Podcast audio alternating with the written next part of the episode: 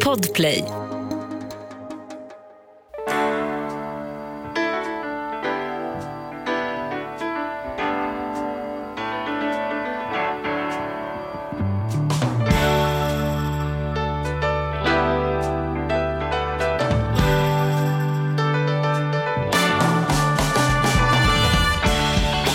Hej och välkomna till Ekonomi på riktigt med Charlie och Mattias. Hur är läget med Mattias Andersson?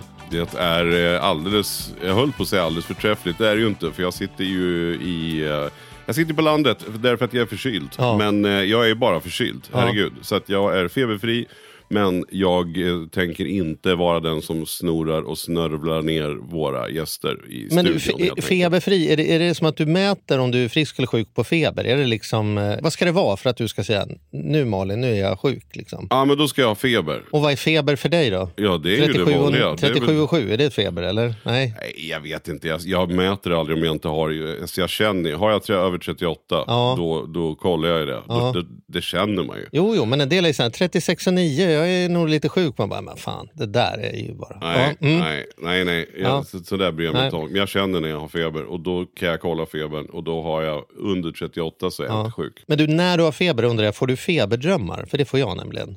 Drömmer du annorlunda när du har feber? Nej, det, det tror jag kanske man har... Nu var det så peppar peppar som Ja, man länge säga. sedan. Mm, Länge sedan mm. så jag kommer, jag kommer inte ens ihåg hur... Ja, men apropå veckans avsnitt, så nämligen så jag får ju sån sjuka ångestdrömmar när jag har feber. Jag brukar inte drömma så, så konstigt.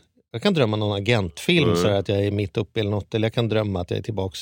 Ofta blandar jag ihop tiderna i drömmar, som att jag både har möte på jobbet och sen ska skriva en tenta i skolan. Också. Du vet, så här, det är bara upplevelsen av otillräcklighet och sådär.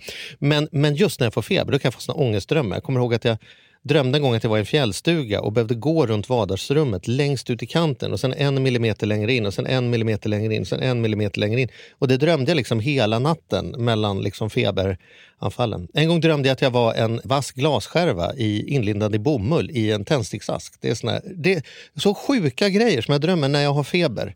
Så det är liksom en grej. Men då har du inte feberdrömmar, ångest då, som jag har. Nej, det har jag inte. Däremot hade min pappa, medan han levde, han hade en, en rätt rolig mardröm. Om man nu kan ha roliga mardrömmar. Mm. Men, men min, min mamma är väldigt mycket för grönsaker och har alltid varit det sedan vi var små. Det första jag gjorde när, jag, när, när vi fick mat var att jag började med att äta upp den här, den här klyftade kylskåpskalla tomaten och salladen. Så jag bara svalde bort det så jag fick njuta av maten sen. För det var liksom sallad alla dagar. Isbergssallad eller kinakål. Ja, sen, sen gick det ju några år och sen introducerades ju rucola-salladen. Men då tror jag att jag hade flyttat hemifrån. Tack men och min lov. stackars far fick ju, fick ju liksom stå ut med den här rucola-salladen. Mm. Och hans mardrömmar, när han hade mardröm, det var att han hade en, en resväska. Så att han var på väg någonstans eller hade kommit hem. Och sen så när han öppnar resväskan så välde det ut rucola-sallad. Eh, så det är ju liksom så här påverkan från, från, från, från vardagslivet liksom, som sätter sig för Ja. djupt.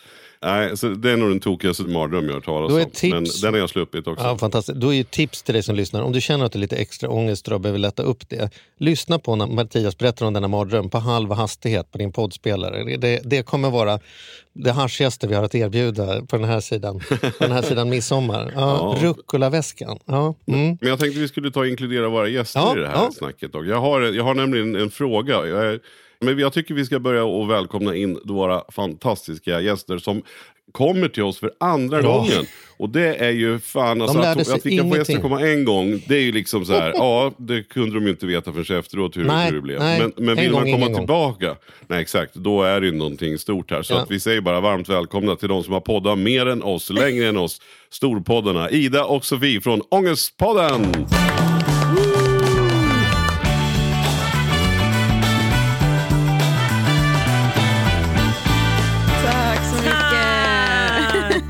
En ära att vara tillbaka vill jag bara Ni sitter och sprudlar i soffan verkligen. Det, det, det känns som att ni är på hemmaplan. Det här är inget nervöst för er inte. Ja fast eh, ekonomi är ju nervositet för mig. Men är det, är det, kan det bli nervöst för er att podda när ni sitter på andra sidan? För så kan jag uppleva att jag tycker när gäster kommer är nervösa, så här, men herregud vi ska bara snacka en timme. Sen är jag själv med någon annan och så märker jag så här, Fan, nu behöver jag vara lite så nervös, kissnödig. Var kom det här Ah. ifrån? Jaha, ja, jag har ingen kontroll riktigt. Nej. Nej, fast- fast jag kan nog tycka det är lite skönt. Ja. Alltså då kan jag nog vara mer nervös ibland när vi poddar själva. även 100 om- procent. Mhm. Det är Ah. mycket värre att, liksom, att vi ska styra skutan och ha bra frågor och liksom, Ja. allt ska bli bra. ja, den ambitionsnivån har inte vi. Nej. så. Så ni är bara så, Men jag har inte förberett någonting här. Jag lutar mig bara tillbaka. Det är därför Ja. vi är så avslappnade. Så Ja. det, Exakt. Men med vissa gäster blir man ju nervös. ja. Vad är den läskigaste gästen ni har haft? Åsa Linderborg. Ja. Ja, jag skulle med säga Åsa Linderborg. Alltså inte för att hon var läskig sen när hon väl kom. Nej, nej, men som man har sån innan. extrem respekt för henne och Jonas hennes Gardell journalistik. också. Statsministern. Ja, precis. Politikerna, vi poddade ju med alla partiledare inför valet 2022 och då var man ju nervös, men då var man mer nervös att man skulle ha något faktafel eller så. Sen Mm. tyckte vi de var ganska kassa, alltså de var inte så pålästa Mm. på elevhälsa som vi då pratade med dem om. Och då blev jag liksom lugnare, ju fler partiledare desto lugnare. Mm. Men Jonas Gardell var jag nervös. Ja, det, det var ju också så här, alltså det brukar ju släppa efter fem minuter. Det gjorde det ju även med Åsa Linderborg och Mm. Men det släppte aldrig med Jonas Det släppte aldrig, nej, och det värsta av allt var att mitt i mitt i inspelningen, när man redan sitter och är nervös för att han ska bli arg över någon fråga man ställer eller så. Ja. Nu blev han inte det, det blev jättebra. Men då har vi liksom, alltså våra mickar sitter fastskruvade i bordet så de står inte Ja. på stativ som de gör här. Liksom. Och då lossnar Edas mick mitt i inspelningen Ja. och han är så här mitt i ett svar och bara oj då. Ah, ja. Men i alla fall, och fortsätter Ja. prata så Eda får liksom sitta som att hon spelar cello. Och hålla med. För Jonas ger inte mig andrum För att vi, nej, vi skruva. ville ju liksom inte så, vänta, kan du bara vänta lite Jonas? Vi vill liksom pausa inspelningen så Eda kan skruva fast sin mikrofon. Nej, så nej. Eda fick sitta så och hålla resten av inspelningen. Mattias, har du någon sån här, vilken har du varit mest nervös av av våra 300 kilohoppsan poddar vi har gjort? Finns det någon, alltså innan, som du tänker så här, fan här måste, blir du nervös? Har du haft någon som du känner så här? Eh, ja men nu tänker jag, men det kanske var första gången vi hade någon politiker också. Ja. För att man, man har någon idé om att, de, att man ska vara korrekt eller att det är stort att en partiledare kommer. Och det är det ju på sätt och vis. Liksom. De har ju så späckat schema och Precis. man vill ju då att de ska känna, men egentligen så skulle man, det är ju deras jobb liksom att vara ute i verkligheten. Där, eftersom vi pratar ekonomi och vardagsekonomi för folk och ni pratar om psykisk ohälsa och så här, som är så, så runt oss. Liksom. Så, att, så borde ju inte känslan vara, men, men jag förstår den. Men jag tyckte nog också att när man har träffat dem så var det ju verkligen inte så. Vi gjorde också, vi träffade de ekonomiska talesmännen inför valet 2022. Bland annat finansministern. Ja, precis. Du då Charlie, Nej, men har jag, du jag, några? jag, jag har två, så här, tycker- eftersom frågan dök upp så tänkte jag så här, jag, måste, kommer, jag fattar ju vart det var på väg, det kommer jag få svara på själv. Jag var nervös när vi skulle träffa Bobo Krull. Det hör man uppenbarligen också i inspelningen. Är och jag blir, sant? jag blir överkörd något enormt redan, redan i inledningen. Det är faktiskt så roligt så att när Mattias och jag sitter på trädäcket på Mattias sommarstuga och tar en kall, då kan det hända att vi lyssnar på det bara för att det är så jävla roligt. Ja. Att jag säger att jag är lite nervös och han säger att ja, jag är ganska trött på skitnödiga människor också. Så här, så här skön. Ja, det, det, det är inte ofta där som du, som du blir tyst Charlie. Alltså, du, du, varit, du har varit fullständigt nedtryckt i dagarna och jag, och jag bara älskar det där. Jag bara Ja, och jag var ju redan nedtryckt när han kom. För att man liksom, jag vet inte, han har en är av sig att vara lite, lite så eh, läskig. Sen tyckte jag faktiskt, och det var ju, vi var ju väldigt unga och oskuldsfulla när detta hände, men jag var nervös inför när vi skulle ha eh, Alex Schulman. Och honom kände ju du lite bättre Mattias. Du hade träffat, jag hade aldrig träffat honom tidigare. För mig så var han ju liksom Sveriges podd-elit nummer ett redan då. Och vi hade honom typ på avsnitt två tror jag. Eller något sånt där, liksom. Mm. Så då hade vi förberett frågor noggrant, nogsamt och liksom ja, Ja, men han är ju in. också en sån person som man vill ska tycka att man ställer bra frågor. Ja. Så som vi kände med Åsa. att Så vi ville Exakt. att hon skulle känna att det här var inte bara de vanliga frågorna utan vi hade verkligen tänkt till lite. Men apropå att vi var på avsnitt två, nu är vi på liksom massor. En fråga vi fick redan från start var ju så här, hur länge kan ni hålla på och prata om ekonomi? Och så fick vi berätta att vi ser ekonomi väldigt brett. Både pengaekonomi och tidsekonomi, energiekonomi kan vara allt från liksom elbilar till veckopeng till eh, ekonomiångest eller vad det är. Och den frågan måste ju komma till er också, eller åtminstone till er själva. Gud, hur ja. många avsnitt kan man prata ångest innan vi har pratat om allting? Liksom, eh, och vad är ni uppe på för avsnitt nu? Har ni 462 Ja, fy släpper vi imorgon, men nu har vi också Ja. börjat släppa två avsnitt i veckan. Men vi räknar ju fortfarande bara de vanliga avsnitten. Ja. Så vi har ju över 500 avsnitt i vårt flöde. Liksom. Tänkte ni när ni, när, ni liksom, när ni var där på avsnitt två, tänkte ni att det kommer bli 400, 500, Nej. 600? Nej. Absolut Jag tänkte nog med att i sådana fall kommer vi behöva ta om avsnitt. Alltså så, vi kanske kommer göra tio avsnitt om panikångest, Ja, tio exakt. olika avsnitt om depression. För det kan ju också se väldigt olika ut Mm. såklart.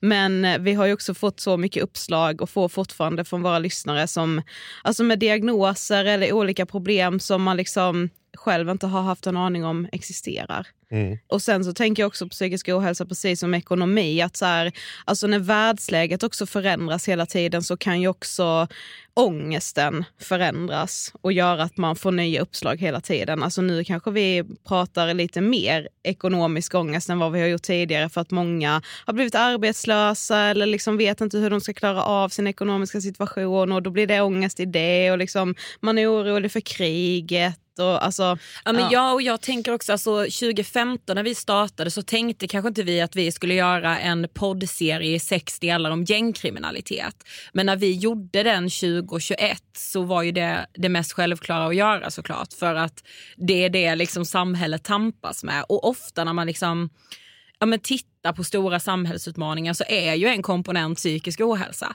Så det, jag skulle säga att det är väldigt lätt att hitta liksom ämnen. mm. Senast vi hängde 2018, i maj kollade vi upp det. Hörde du vilket nummer det var på avsnittet Mattias? 62 Sex- tror jag, eller 68. Ja, då kan man rulla Ja. tillbaka och lyssna om man vill. Vad upplever ni om vi tittar på liksom hur vi mår och ångestfrågan? Vad har hänt den där förflyttningen? Vad, vad är det vi möter 2024 som vi inte mötte då? Eller liksom, vart är vi på väg, som de säger i På spåret? Precis, vart är vi på väg? Alltså jag skulle väl säga att rent liksom medialt så är ju det här ett samtal som ständigt pågår. Alltså man, det skrivs ledarsidor, det görs liksom långa intervjuer där, där liksom ångest och psykisk ohälsa får ta stor plats. Om man tittar liksom rent politiskt, som vi gillar att göra, så har det hänt oerhört lite tyvärr. Man ser fortfarande en ökning bland barn och unga som liksom inte verkar ha någon, någon ände. Ja, alltså jag, jag vill liksom inte vara någon så, jag har en domedagsprofeti, alltså så, men jag, alltså jag är jag ser liksom inte att det är så wow nu händer det grejer. Tyvärr inte. Nej men, det känns ju väldigt deppigt. Liksom just att så här, alltså problembilden vi har idag är nog väldigt mycket mörkare än vad vi tänkte där 2018 och också om man jämför med hur det såg ut 2018. Alltså man hade börjat prata om psykisk ohälsa och att många unga mådde dåligt och att så här, det här är någonting vi behöver prata om men vi trodde nog inte att det skulle landa i att Sverige skulle sticka ut i dödligt våld eller att självmordsstatistiken skulle sjunka i alla ålderskategorier förutom bland barn och unga. Där ser man en ökning. Alltså det känns ju otroligt deppigt och mörkt på många sätt. Men jag har en fråga. Och det, alltså, det här är verkligen inte att jag tar lätt på den här frågan eller så. Men jag kan bli lite störd därför att jag upplever att ångest har blivit ett begrepp som många unga slänger sig med. Alltså, åh, jag har sån ångest. Så här. Jag pallar inte att gå till skolan. Jag kan, jag kan säga till min dotter ibland och även sonen ibland. Jag märker framförallt då, hon går i, i gymnasiet och det är mycket så här, åh, jag har sån ångest. Och då blir jag lite irriterad därför att då vet man ju inte vad så här, det finns ju ångest och ångest. Ja, Har man ingen lust att packa ur diskmaskinen så är det liksom inte ångest. Nej men exakt, Nej. nej. Det är lite det jag menar. Hon, hon har ju lyckligtvis inte haft ångest i hela sitt liv. Alltså, Nej. Det är jag klassar som ångest. Men, men är det lätt också, finns det en risk med det? Att man använder det här ordet på ett sätt så att, så att man liksom eh, förringar det också? För, alltså att det, det blir fel från två håll. De som på riktigt har ångest kanske liksom så här, ja men det är vanligt och, och man blir påmind om det och så får man ännu mer ångest. Eh, Eller vad, vad, vad har ni att säga om det? Jag antar att ni har fått den frågan tidigare. Jag vill, då vill jag trycka ner dig lite i skorna nu då. För att vi, vi har haft med liksom, eh, forskare som ju har forskat just på unga och deras bild av ångest och psykisk ohälsa. Och man kunde väldigt tydligt se där att barn och unga, alltså det är vuxenvärlden som upplever att barn och unga tror att allting är ångest och att allting är psykisk ohälsa. Men barn och unga generellt vet skillnaden på, alltså de beskrev det liksom med sina eh, ungdomliga ord att så här, alltså jag kan ju ha ångest men inte ångest, ångest. Alltså så att man kan ha lite ångest och att det kan vara lite skavigt men inte så att man inte kan resa sig från sängen. Det kanske är att man inte har något annat ord för den här skavigheten men är det verkligen ett problem? Alltså måste vi lyfta det som ett problem att barn och unga kanske använder ångest lite för mycket istället för att lägga locket på? Eh, alltså vi kan uppleva att det är vuxenvärlden ibland som är lite rädda för att så, och vi får inte prata för mycket om det här. Nej men så här, jag tycker absolut inte att, att vi, vi kan prata för mycket om det eller så. Jag bara blir stött av att de som mår dåligt på riktigt Liksom, det finns ju de som på riktigt, eller det finns ju extremt många som på riktigt har ångest. Och det är någonting vi måste göra någonting åt. ja. Men där, därför blir jag störd på de som slänger sig med att de har det. Ja, jag tycker att man, att, att man liksom, man borde, det borde finnas två ord för det här. Så här. Jag, har, jag har lätt ångest, eller jag har lite, alltså det borde finnas ett ord till som de kan slänga sig med som tycker det är lite motigt att gå till Ja. skolan just den Ja, men dagen. exakt. Eller, Det håller jag med om. Mm. Det man, man kan jämföra med pengar. Det är ju som att man ska någon som sitter och tigger utanför ICA ska säga jag är fattig och så går jag förbi och säger "Ja, jag känner mig också fattig. Ja, nej, men Fan, nu, har vi, nu, har vi, nu är jag bara tre utemiddagar istället för fyra. Ja, man måste precis. tänka lite. Ja, så vi, har, vi har typ samma du och jag. Jag förstår dig broder. Liksom. Ja, så här, nej men precis. precis. Ja och där är det ju som att det har blivit liksom lite ett så trendigt ord. Att, och det tror jag liksom media kan ha en liksom roll i. Att man är så, åh nu hade den, Erik Saade hade ångest innan han gick upp på melloscenen. Alltså så, då- Då är man så, ja fast han ska inte in i psykiatrin och harva nu Erik Saade för att han hade ångest innan han skulle upp på melloscenen. Det är liknande med, eh, som vi alltid tar som exempel som ett oerhört problem. Är det någonting som lyfts i debatten så är det BUP, alltså barn och ungdomspsykiatrin. Helt plötsligt så upplever i alla fall vi och, och många liksom inom vården att föräldrar tror att oh, mitt barn mår dåligt, vi ska till BUP. Nej, barn och ungdomspsykiatrin är specialistvård. Ni ska absolut inte till BUP. Där ska de som är sjukast, som har tung problematik, du ska förmodligen till elevhälsa, vårdcentral, ungdomsmottagning. Men det har liksom lite utraderats och så ska man ställa sig i kö till BUP och glömmer bort att men det är specialistvård. Det är också ett jätteproblem. Men är det inte det jag är inne på lite grann, det här att, att många förstorar problemen. Alltså så här, man får ju inte blunda när någon mår dåligt, alltså det vet vi. Det är ju superfarligt och föräldrar som slätar över. Men uppenbarligen så finns det ju precis tvärtom då, det, precis det ni säger.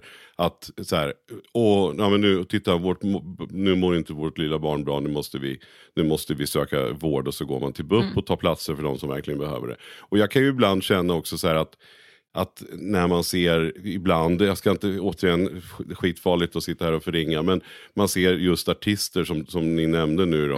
Och man hör artister som säger, åh, nu, nej men nu måste jag vila eller jag är utbränd, jag har varit på en lång turné, vi gjorde, jag gjorde åtta gig under, under, hela, under hösten och nu, nu måste jag pausa en stund. Alltså jag är rädd för att att man också så här förringar just det här vad som är ångest och att man börjar känna efter. Och ja, men oj nu, har jag inte ångest? Jo men det har jag nog. Ja, nu måste jag vara hemma eller vila eller nu måste jag gå till BUP. Alltså det, det måste vara väldigt svårt att veta. Man skulle vilja ha en handbok för så här, det här är ångest och det här det är någonting annat som man kan fixa liksom, genom att bita ihop lite. Ja, men exakt. förstår ni? Ja, ja verkligen. Men det är väl också kanske lite svårt för att ångest kan ju ändå se olika ut. Alltså, men man får ju känna själv om man befinner sig i en känsla som känns ovan och som man inte mår bra av att vara i, tänker jag. Alltså om man helt plötsligt hamnar i en sinnesstämning där man hela tiden kanske tänker negativt, man känner att eh, självbilden är, är liksom inte stämmer överens med ens egen bild eller att man har dålig självkänsla eller helt plötsligt får jättedåligt självförtroende och in, tidigare har den varit bra. Alltså man känner att man upplever en förändring i ens mående Mm. eh, och det kanske Mm. man då ska ta på allvar. Men det kan ju också se olika ut. Ja, jag tycker tänker det är klurigt. Jag har ju en 15-åring hemma. Ja. Och det är klart att hans mående är olika. Men det, Mm. och jag försöker att inte trivialisera det, men å andra sidan, det finns ju fluktuationer. Att man inte mår bra jämt Ja, är ju inte samma sak. Nej. han försökte Nej. pitcha till mig i november att han var utbränd för att det kom snö. Liksom. Ja. Och, och då är det som så här, jag förstår att det är tråkigt att gå till skolan när det är snö och kallt. Mm. Absolut, jag går dubbelt så långt som du går varenda morgon. Jag vet hur det är. Man behöver ha mössa och det är liksom Precis. det är tråkigt. piss. Ja. Och du blir trött på eftermiddagarna för att det är mörkt. Det kallas för hösttrötthet, det är högst normalt. Det vi kan göra är bita ihop och sen kanske gå och lägga oss lite tidigare. Ja. Och det är därför vi har julen, för att liksom kunna lösa detta. Mm. Så får man liksom gå dit, men, men jag vägrar att köpa in på liksom problemformuleringen utbränd. Ja, du, nej, du går nej, i, nej. Det går i åttan och, och om du tänker så, då kommer det med det finns ju liksom en, en, ett paket med etiketten också som Ja, följer. precis. då är det lite utanför mitt ansvar. Jag kan omöjligt plugga till prov på Nej, fredag men för ja, jag är utbränd. Jag behöver Ja. pausa, eller liksom så här, vad det nu är Ja, men någonting. vi, alltså, vi brukar alltid se det när vi är ute och föreläser och framförallt på så gymnasiet och sådär. Alltså, alltså livet är generellt två plus. Alltså ni måste fatta det. Mm. Och så var det en tjej en gång som bara, så sa, hon, jag tror hon gick i nian, så sa hon till oss bara, men, men alltså när ni pratar låter det som att livet kommer vara piss. Vi bara, alltså det korta svaret är ja. Mm. Livet kommer vara ganska mycket piss. Mm. Det Och är så rätt kommer mycket du få ha det. liksom. Liksom. Alltså, Och det, ja, det, är ju, alltså det är ju problematiskt att man inte lär barn det. Det drivs ju till exempel en kampanj om så psykisk hälsa på schemat. Och jag, jag tror inte det är helt dumt. Sen, om det är tvistar i lärda vem som då ska, ska, lä, alltså vem som ska ha det ansvaret. Men just det här liksom känsloreglering, vad är känslor? Alltså du kommer känna att livet suger ibland. Det, du behöver liksom ingen psykiatrisk varken diagnos eller hjälp för det. nej. Nej, och är man liksom slut på pengar och inte hittar någon partner att leva med som man vill ha Mm. och eh, fel person åkte ut ifrån Robinson och grejer, så här, då är, då, om man tycker att livet känns piss, då kanske det är för att det är piss. Ja. Det är ju Mm. inte samma sak som att jag, jag är deprimerad. Utan Nej, kollar om, precis, kollar omkring, det kanske bara är att det är din hjärnas sätt att berätta för dig, du borde göra en förändring. För Ja, du, det här är ju inget bra. Nej, men för Det är ju viktigt när man kollar statistik att så, alltså, det är inte de allvarliga psykiska diagnoserna som ökar. Vi ser inte en ökning av bipolär sjukdom, psykossjukdomar, borderline, numera då emotionell instabil personlighetsstörning. Men däremot det som ökar är oro, ångest, depression. Eh, Den formen av eh, psykisk ohälsa.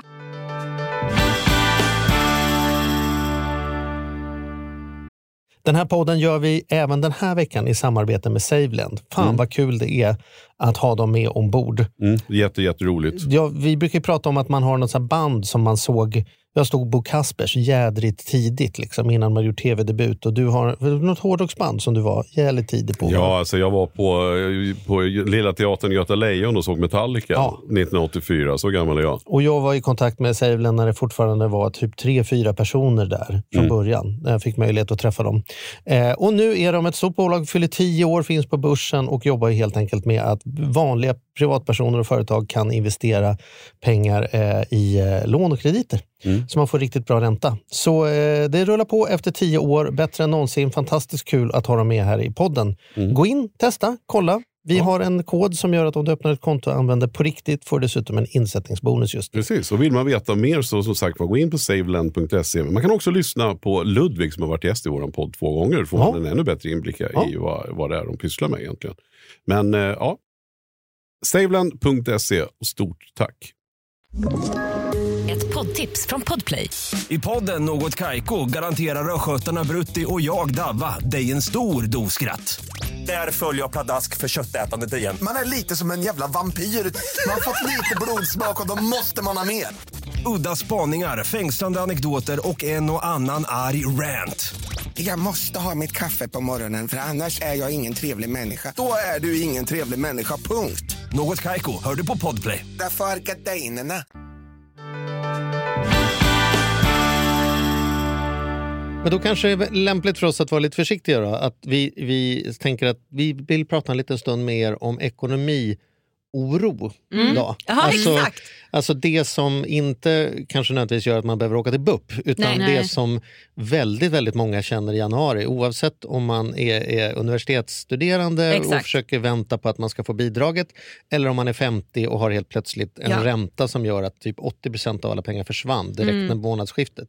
Och man brukar alltid prata om den här månaden, januari, som liksom det ekonomiska mörkret. Att här är, det- är svenska folket som fattigast. Mm. Det berättas historier om att gallerier till exempel, i, deras, i avtalet när man hyr där så är man tvungen att ha öppet i januari. Annars så skulle folk stänga därför att det är så få människor som kommer till butiken så att man går back på att ens ha personal där. Ah. Det vet jag inte om det är sant överallt men så, Ja. så pratar man liksom för att det är ändå ingen som köper någonting. Det finns Nej, liksom ingen precis. poäng att annonsera någonting. Nej.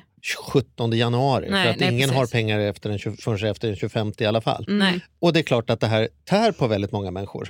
Men varför har januari blivit just en sån månad? Alltså är det bara för att man liksom får lönen oftast några dagar tidigare än vad man brukar få? Alltså man brukar alltid få lönen några dagar innan julafton. Ju om liksom, alltså är det därför januari har blivit en sån månad som man inte handlar någonting och som man upplever sig fattigare än vad Nej, men alltså, jag tror att man, det tror jag är, att man faktiskt, ja det beror på hur man definierar fattig då, men att man, Ja. har, man har helt enkelt slut på likviditet. Därför att man har köpt för mycket julklappar Mm. och då gjorde att man fick ta julmaten på kreditkortet och sen Ja, kom det man nyår, efter, liksom. mellandagsrea, liksom är man ju dum om man inte köper när det är halva priset och sen det lite nyårschampagne och sen så åker man bort med kidsen över i 13 dagen på någon spa för nu är det dags att börja skolan igen. Nu hårdrar jag detta väldigt. Ja, ja, ja, men, Och då ja. är de där dagarna när, liksom, när det faktiskt är korten är maxade, kontot är tomt. Mm. Vi, vi liksom har festat nu och nu ska vi inte tänka på det. Det är bara jul en gång. Liksom. Det är Mm. Ja. som att så här, Ja. det är ingen som säger skinkan var för dyr så vi tog ingen på julafton. Nej, utan, nej, nej. men kosta vad det Man kosta börjar vill. inte tumma på liksom- traditionerna, Nej, men liksom. lite Det- så tror jag.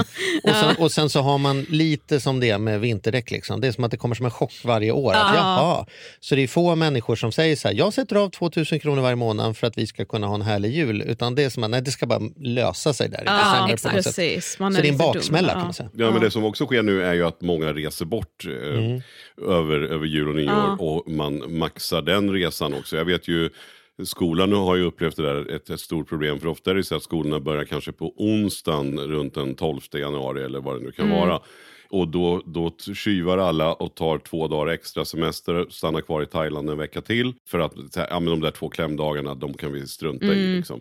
Även, om, även om man egentligen inte får göra det eftersom man har skolplikt. Men, men jag, jag upplever att Sverige kommer igång senare också. För att man, är, man passar på liksom, över jul och nyår och är borta mer, reser mer. Och det kostar ju pengar. Men det är ju väldigt många som har ekonomiångest utan att kunna åka till Thailand och grejer. Utan Ja, som ja, alltså, gud, så, här, ja. så Gud, vi bara ja. menar, det är liksom på hela skalan. Även den som normalt sett har pengar Exakt. brukar ha slut i januari. Vissa människor har ju slut varje månad. Och Ja. det är klart inte, där, där, men hela samhället går in i också någon konversation och det får väldigt mycket morgon-tv. Och Ja, vi, ha, vi precis. hatar ju det. Ja. Att bjuda in er och prata i, i januari är ju jättebra för då kan man ju prata om vad kan jag göra här och nu åt min ångest. Precis. Bjuda in mig är ju en idioti för då kommer jag säga så här, ja det här skulle vi pratat om på midsommar, vad fan Ja. ska vi göra nu? Sälj bilen? Jag, liksom är, jag, har ingen, jag har ingen hemlig liksom, lösning i efterhand. Hur löser man detta nu? Ja, koka soppa. Alltså det är så Nej, skitråd precis. som man kunde googlat fram. Ja. Så, så, men, men om vi liksom trycker in oss där, om vi utgår ifrån att man behöver ju inte ha några goda grunder för att ha ångest det, eller oro. Det går ju bra att vara orolig helt grundlöst. Precis. Och vi vet ju, för de flesta människor löser ju detta sig. Men det är ju, ja det är väl min fråga. Det här med kopplingen mellan hur det verkligen ser ut och ens oro.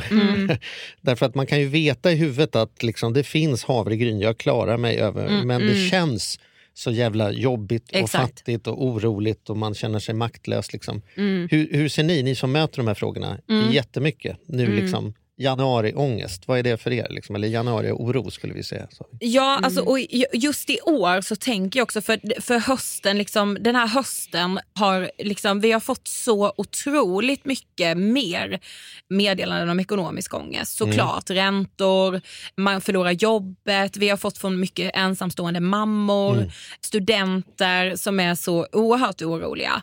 Vilket ju är fullt förståeligt. Vi själva också har liksom pratat om vår ekonomiska ångest. Just, ja, men vi köpte lägenhet båda två för tre år sedan. Mm. Och då var liksom räntorna något helt annat än vad de är, vad de är nu. Mm. Och det var så intressant för vi, vi diskuterade det här bara för någon dag sedan. Att så här, ja, men innan var liksom oron så, jag kan inget om aktier. Hur ska jag investera? Alltså vad investerar jag mina pengar? Det är ju liksom ingen Ja det finns ju men det, det är liksom inte samtalet om ekonomi idag utan idag handlar det om hur ska jag få en, min månadsbudget att gå ihop. Ja, just nu handlar det mycket om att liksom par inte har råd att separera. Mm. Och inte så mycket om, åh nej, jag vet inte vart jag ska placera mina sparade pengar. Mm. Exakt. Och just den här ekonomiska ångesten blir nog mycket mer påtaglig i år tänker jag också. Gud så här, deppet. Nej men alltså för ofta, alltså andra år kan jag uppleva att vi i alla fall får mycket att säga, snälla kan ni prata om kroppen, kan ni prata om bantning för nu drar det här igång, nu är det januari, alla ska banta allt. Alltså det tror jag inte får lika mycket fokus i år. Men jag tänker att oron Mm. Och problemet är ju egentligen två olika saker. ja Det är ju ingen som blir bättre på att lösa sin ekonomi Nej. på att ha ekonomiångest. Nej absolut Det är inte som så här, ska du, vill du lära lite mer om aktier? Nej, jag väntar tills jag får lite mer ångest. Då kommer jag vara mer lämpad att göra detta. Alltså, ångesten gör ju ingen nytta, va? Nej men precis. Vi hade ju med en psykolog som är, ja men han jobbar med liksom ekonomi, beteendemönster kopplat till liksom då, ja men hur människor beter sig. När får vi ångest kring vår ekonomi? Och då sa han det att det är ganska intressant för de som får mest, alltså de man ser oroa sig mest, det är liksom medelklassen. Det är de som säger nej vi kanske måste dra in på en resa. Eller vi kanske måste, ah, vi kan inte åka tre gånger det här året på resa. De oroar sig egentligen mer än liksom de som kanske knappt får det att gå ihop. Och det tycker jag är väldigt intressant. Alltså hur, hur den gruppen har mer oro när de facto att så här, okej fast vänta hur mycket gör den här resan? Ni överlever ju utan att åka på skidresa på sportlovet. Men är inte ekonomiångest lite fint? Alltså, när vi gjorde Lyxfällan, Ja. då kom vi hem till familjer som verkligen inte hade skött sig. Men väldigt ofta var det en part som ville framhålla, fast jag har minsann varit orolig för detta Ja det. i två Ah. år. Titta här, vet du. Jag har försökt att säga så många gånger att vi måste göra någonting och jag har varit så orolig. Vad skönt att ni kommer hit. Och, och ärligt talat då väntar sig att få lite poäng ifrån oss. Som att liksom så här, han har varit helt oansvarig för, han Ah, mm. Men har, inte jag- gått, för han har inte gått omkring och haft ångest. Jag däremot har inte heller gjort ett skit. Men Ja. jag har dessutom mått dåligt. Visst har jag varit duktig. Och för mig blir det som så här, fuck that shit. Om det liksom, så här, ingen av er har eh, slutat att köpa onödiga saker Nej. och du har dessutom mått dåligt, ska det vara, är det bättre att man mår dåligt när man gör destruktiva saker? Nej. Än, alltså, förstår du? Att Ja, det, det är liksom så här, vad gör du åt din ekonomiska situation? Ja, jag oroar mig jättemycket. Och, Ja. och jag är lite sån gubbe så jag kan bli så här, om ni, om ni sitter och oroar er så går jag väl ut och löser det så länge. Då, liksom, Ja, så här, för jag, jag har inte tid att sitta här och vara orolig. Jag Nej. får lösa problemet först då. Jävligt gubbpragmatiskt. Ja, men, liksom, men jag köper det det svenska, också. Mm. det svenska försvaret är ju inte samlat de människorna som är mest oroliga för ryssen, för de kommer vara bäst lämpade. Utan det är ju människor som så här, vi, låt oss lösa detta. Och sen så kan vi väl sätta oss och vara oroliga en stund. Men liksom, Ja precis. Så det är väl det jag tänker, så här, vad är egentligen ekonomisk oro, särskilt från ekonomiskt problem? För som vi skiljer här, man kan Ja, ha betyd- jättestora problem, ändå inte vara orolig. Ja. Väldigt små problem, jätteorolig. Ja exakt. Så hur förhåller vi ner till själva liksom ångestgrejen om vi inte nödvändigtvis ska hänga upp den på att det är någon extern faktor utan vi har väl också något att säga till om, eller? Mm. Var det en jobbig fråga? Ja, Ja, det- svår fråga för att jag upplever att jag har väldigt mycket ekonomisk oro själv och en till viss del befogad och till viss del extremt obefogad. Och så här, alltså oro och ångest grundar ju sig någonstans i att man liksom får en känsla och känslan kommer ofta från ett minne och att man någonstans måste bryta det. Alltså alla tankar man har är ju inte sanningen. Men i ens egen världsbild blir ju det sanningen när man hamnar i den där ångesten. Men jag tänker väl att man måste försöka prata om den här oron man känner. För jag, jag tänker ofta att när man sätter ord på oroskänslor eller tankar eller minnen så hör man också att det är ganska obefogat många gånger. Eller att man har någon runt omkring sig som känner exakt samma sak och då kan man vara i det tillsammans och bara det gör det hela lite enklare. Vet ändå inte om det helt var svar på frågan men Men en tanke som jag har då, precis som, som ni säger, är det lite fascinerande hur man ändå tycks kanalisera sin ångest genom olika saker. Som vi säger nu, nu är det inte så mycket, nu när det har varit tufft ekonomiskt, vi är i en, i en lågkonjunktur och räntorna är höga och allting. Och då är det ju precis som ni säger, det är inte så många som ställer frågor om kroppen just nu. Utan nu är det mer frågor på till exempel eh, ja, men ekonomi och sådär. Men sen tänker jag också som, som det här, alltså som, som förra året var, det var ju det var ett jädra mörker alltså. Från att liksom Ukraina-kriget som pågår till att det är gängkrig och skjutningar överallt hela tiden. Och sen uppe på det så kommer Gazaremsan och hela den alltså, fruktansvärda händelserna. Det gör ju att jag ibland måste ta omtag när jag tänker på saker och gör saker. För jag känner att fy fasan alltså. Jag, jag märker att jag tittar mindre på nyheterna. Jag behöver inte ha de där bilderna fem gånger om dagen. Men två frågor då egentligen. Den ena är ju då, har man en viss oro så, så kanaliserar man den beroende på lite när det passar bäst. Nu är det lite lätt att vara lite på ekonomisidan. När det har varit bra tider då, är det, då funderar man på vilken aktie man ska ha. Är det för att man generellt sett är en orolig själ och att man, man behöver ha någonting att liksom ha ångest över. Och den, den, den andra frågan jag tänker på, blir man också, jag kan tänka mig att det blir lättare att få ekonomisk oro den här januari med tanke på hur världsläget har sett ut och vilket jädra deppigt år det var. Vad säger ni? Ja, jo men det där tycker jag är jätteintressant och lite så tror jag att det är. Alltså vi hittar liksom någonting så, med vi menar jag då kanske inte bara jag och Sofie utan liksom vi människor generellt. Att så, äh, eh, det måste nästan vara något skav eller någonting jag kan försöka lösa. Och, och problemet med att oroa sig mycket eller känna ångest är ju att man eh, ofta blir ganska icke handlingskraftig. Eh, och, och så skenar man iväg. Alltså man kanske då börjar känna ekonomisk ångest och helt plötsligt så skenar tankarna om man är i att så här, ja, nu kommer jag behöva sälja lägenhet, bil, hushem, flytta, ska jag, ja, nu ska jag bo på gatan. Ja då. Alltså så här, eh, att man liksom får försöka där att, att stoppa sig själv. Alltså det är ju så klassisk KBT i att så här, okej fast vänta nu, hur ser läget ut? Vad har jag att röra mig med? Hur får jag det här att gå ihop? Istället för att gå kanske då i två veckor och, och varje dag tänka, ah, snart är jag på gatan och snart är jag, och så kanske man inte ens har öppnat sin bankapp och bara så, okej fast vänta hur ser finanserna ut här? Vad har jag att röra mig med? Vad har jag att plocka ifrån? Har jag något sparkonto? Har jag någonting jag kan dra in på? Alltså ångest har ju tyvärr en tendens att göra oss mindre handlingskraftiga. Och där får man ju bara försöka liksom att stoppa sig själv och säga, fast vänta nu, vad kan jag göra i detta givna läget? Det är inte helt lätt men det, alltså det finns ju liksom inget annat riktigt att, att göra. Alltså, som, som vi var inne på, att så här, man kan inte oroa sig ur det här. Att så här, nu har jag oroat mig klart, så nu är jag färdig med det och nu känner jag kontroll över min ekonomi igen. Alltså det går ju inte. Liksom. Nej. Men det finns en, jag tycker ändå vi en ledtråd här i att särskilja problemet och oron som Ja, två precis. olika frågor. Och jag hade faktiskt en, en, en god vän till mig som, som brottas med mycket oro, som jag pratade med för kanske en månad sedan hade vi det här samtalet. Och då var det så här, ja, men nu, jag är orolig för det här. Och det var som att vi haft de här samtalen förut. Så var det som så här, men vet du vad, om jag, om jag löser det då? Om vi säger att det är borta, Ja. skulle du vara orolig för någonting annat då? Ja, men då skulle jag vara orolig för det här. Ja, Okej, mm, om jag löser det, vad skulle du vara orolig för då? Och så pratade vi en stund och min poäng var ganska uppenbar. Men, jag sa, men, men du har ju oro, punkt slut. Precis. Det spelar ingen roll, du kommer alltid hitta någonting att hänga upp det på. Och så länge du har fokus på spiken du hänger upp det på Mm. så kommer du inte till kärnproblematiken. Det Nej. vill säga din oro. Mm. Ja, det är tufft ekonomiskt, spiken. Det kan vi prata om. Men sen finns det en annan fråga som är att du går omkring och oroar dig. Ja. Och om du tror att om jag bara löser de här tre sakerna, då kommer oron försvinna. Mm. Då kan vi säga att vi har 20 års erfarenhet att säga att du kommer alltid hitta en spik. Det Ja, finns alltid något exakt, ställe du kan hänga den här rocken på. Ja.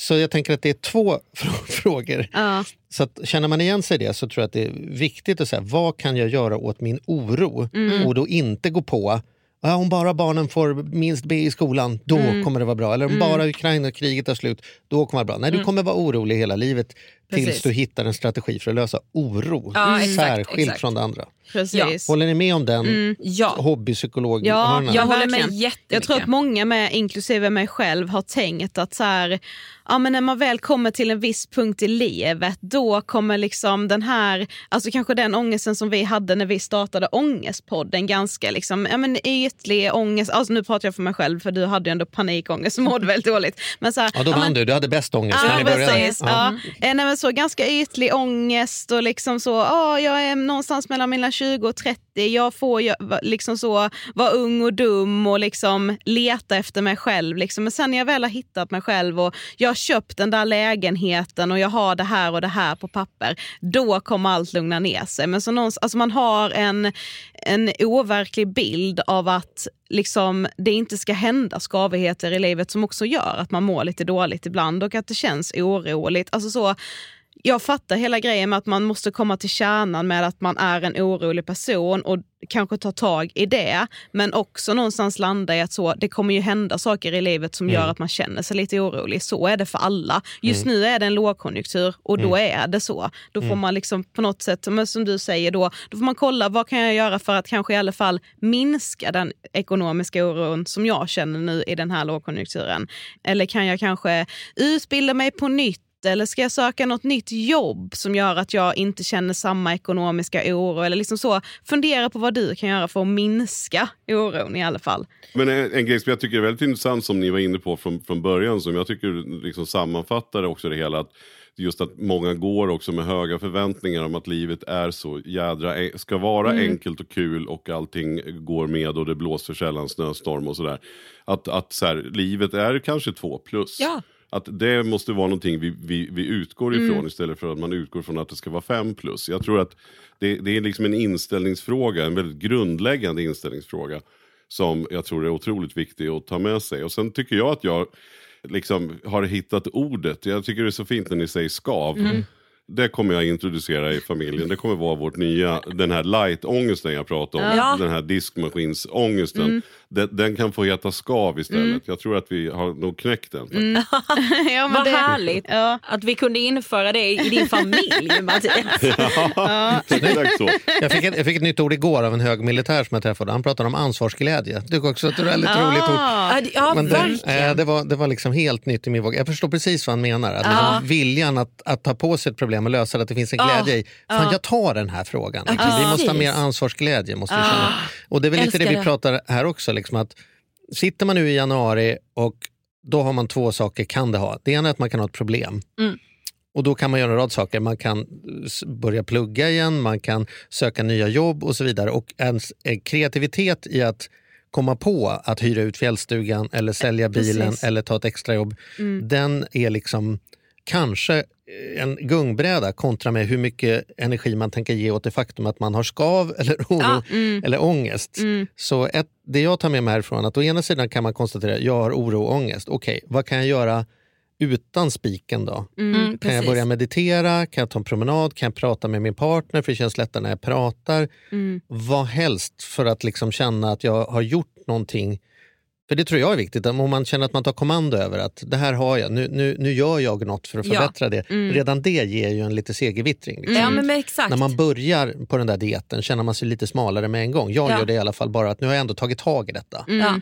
Och det andra är, kan jag gör, göra någonting för att faktiskt lösa min, min eh, finansiella eller ekonomiska situation? Ja. Ja, men jag det är januari intressant. kan vi separera de två. Ja, kanske, Precis. Liksom. Ja, men just jag- det här med ja. han, den här beteendevetaren som vi hade med som sa just att de som har mest ångest är liksom typ medelklassen som Mm. ja, men kanske till och med äger en fjällstuga. Alltså så, förlåt men det är väldigt privilegierat Mm. att ens ha haft möjligheten att köpa en fjällstuga. Jag tror att många då i medelklassen någonstans också måste jobba bort jag vet inte, liksom typ stolthet och en känsla av enormt misslyckande att behöva hyra ut den här fjällstugan. Att det blir liksom lite pinsamt, vilket det ju absolut inte är. Så det tror jag med, man måste gå till sig själv och bara så men vad är det jag tycker är så skämmigt med att inte kunna åka på lika många resor till exempel. Och liksom lite gå till så, va, alltså se vad det är man egentligen har. Jag tycker också att så, om man ska se något positivt på till exempel den här lågkonjunkturen, alltså det blir lite samma som i pandemin, att man helt plötsligt blir man ganska kreativ i att säga okej, okay, vi får inte umgås med varandra inomhus. Då får vi försöka ses utomhus. Vi ses och grillar korv. Alltså att man kan se det lite samma här. Vad kan vi göra för att underlätta den här situationen? Kan vi kanske ses två familjer eh, två gånger i veckan och käka tillsammans ja. för att minska matkostnaderna på något sätt? Eller kan vi liksom, hur kan vi hjälpas åt här för att det ska bli lite enklare för alla? Och att det kan också bli väldigt liksom lärorikt och väldigt fint, alltså mm. kärleksfullt. Jag vill också ge ett konkret liksom så tips. Eller så, alltså för Jag har liksom haft VM-medalj i oro mm. eftersom jag har diagnosen generaliserat ångestsyndrom. GAD kallas det liksom på lite så Ja, man, man God God. complex. God. Mm. Nej, men, och det, det handlar egentligen om generell ångest och oro. Som jag, jag inser att jag har haft det hela mitt liv men jag fick diagnosen 2019. Mm. Och, och, när jag gick liksom i terapi för det, alltså det jag liksom tyckte var mindblown var ju så här, eh, ja, alltså, du kommer ju behöva acceptera ovisshet. Alltså, de här känslorna kommer vara där. Mm. Och det du måste fråga dig själv är ju så här, kan jag göra någonting åt det här nu? Om svaret är nej, okej, okay, då får du acceptera den ovissheten mm. och så mm. får du leva i den. Mm. Och ju mer man gör det så bygger man ju också, det finaste ordet jag vet, resiliens. Alltså motståndskraft för det här. Första gångerna är det piss. Eh, jag hade liksom en sån jävla oro att så här, om, ingen, om mamma eller pappa inte svarar i telefon betyder det att de har dött. Om min kille inte svarar i telefon då har han kört av vägen de svarar inte i telefon. Mm. Du, du kommer inte kunna hålla dem vid liv genom att ringa 150 gånger har de dött är den krassa vidriga sanningen att du kommer få reda på det. Mm. Inte i den här givna sekunden. Mm. Men du kommer behöva vänta ut det. Och när man då väntar ut den här oron, ja då minskar den ju. Mm. Och li, alltså, man behöver liksom förhålla sig någonstans till att så här, det här suger, det är en obehaglig känsla. Jag kan inte göra så mycket mer åt den än att acceptera att det är så. Och det är, ju, det, är så, det är så KBT och så psykologiskt, men det funkar. Ja men och kanske lite trist, men livet generellt kommer vara både svårplust och väldigt ovisst. ja, alltså. det, det är så. Bara landa i det. Suck it ja, up. Ja, det är det viktigaste gymnasieelever kan lära sig, ja, tycker vi. Verkligen, ja. ja. Fantastiskt, det blir ju nästan slutorden för idag. ja, det får det bli. Lycka till! ja. Nej, men, men, ja, men superbra. Vad otroligt härligt att ha er med i podden igen. Alltså vi, det måste bli en tredje gång. Ja. Vi kanske ska se vad vi, vad vi har kommit fram till. Om för vi kör januari nästa år igen då. Du behöver inte gå tre, fyra år mellan ja. Eller så är vi med nästa gång när det är högkonjunktur. Ja. Så sitter vi och pratar om kroppsångest. Ja, för då precis. har vi ingen ja. precis. Nej, då har vi ingen, så då får kroppen ta plats igen. Ja. ja precis. Det är kul för den att få lite ångest äntligen. precis. Det var länge sedan. Ja, härligt. Men, eh, och, och, eh, Mattias, eh, har man idéer på andra ämnen som man vill köra hos oss med, med det behöver inte vara ångestrelaterat. Kan inte du bara berätta hur gör man för att pitcha en idé till oss? Det är så enkelt som att man tar och skickar ett mejl till charlie och mattias at gmail.com. Oh! Och, och vi, svarar alla. vi svarar alla. alla. får svar. Och det, och det, det är faktiskt uh, orimligt många förslag som vi faktiskt tar. Så att om du sitter hemma och tänker så här, de kommer ändå inte göra det. Så är det så att faktum är att vi ligger på en väldigt hög procent av de idéerna vi får in. tänker vi, Det är er podd, det är inte våran. Vill ni att vi ska prata om det? Då brukar vi hitta en spännande person. Så att, uh, får, ni, får, jag bara fråga, får ni mycket frågor om just ekonomisk ångest? Är det många som ber er prata om ångest kring ekonomi? Nej. Jag tror att de flesta inte uttrycker att ångesten utan man pratar om spiken istället, om ja, rock, rocken. Mm. Vad gör man nu när räntan stiger? Hur ska mm. man välja ja, fond? Mm. Man vill inte att vi ska prata om fondväljarångest. Nej. Utan man vill ha de fem bästa tipsen. Ja. För då tänker det. man att ångesten går över om mm. jag får tipsen. Handlingskraft. Liksom. Ja. Mm. Och sen så svarar vi så blir det lite hälften av det, spiken och hälften av rocken. tror jag. Men ärligt talat så tror jag väldigt många människor har koll på och har empati för den där liksom skavet särskilt mm. från grejen. Och vi lever i ett samhälle där man är man upprörd så är man alltid upprörd på någon. Exakt. Man kan inte bara vara upprörd. Liksom. Nej. Och är man sorgsen så behöver man ha en bra förklaring om varför man är det. Man kan Ja, inte exakt. bara vara nedstämd och så vidare. Nej. Så vi får väldigt lite faktiskt människor som vill prata om hur det känns utan mera effekterna där ute. Ja, det är klart. Tror jag faktiskt. Mm. Ja. Nåväl, därmed så bugar vi bockar, tackar för idag och så hoppas vi att det inte tar så sjukt lång tid tills vi ses igen. Nej. Ja, det, är, det är vi som ska tacka. Ja, verkligen. Tack så mycket. Tack, tack.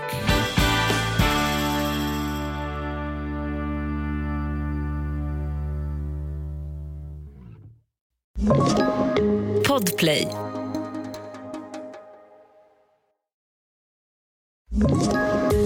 Poddtips från Podplay.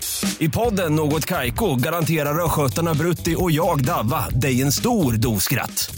Där följer jag pladask för köttätandet igen. Man är lite som en jävla vampyr. Man har fått lite blodsmak och då måste man ha mer. Udda spaningar, fängslande anekdoter och en och annan arg rant. Jag måste ha mitt kaffe på morgonen för annars är jag ingen trevlig människa. Då är du ingen trevlig människa, punkt. Något Kaiko, hör du på Podplay. Därför arkadeinerna.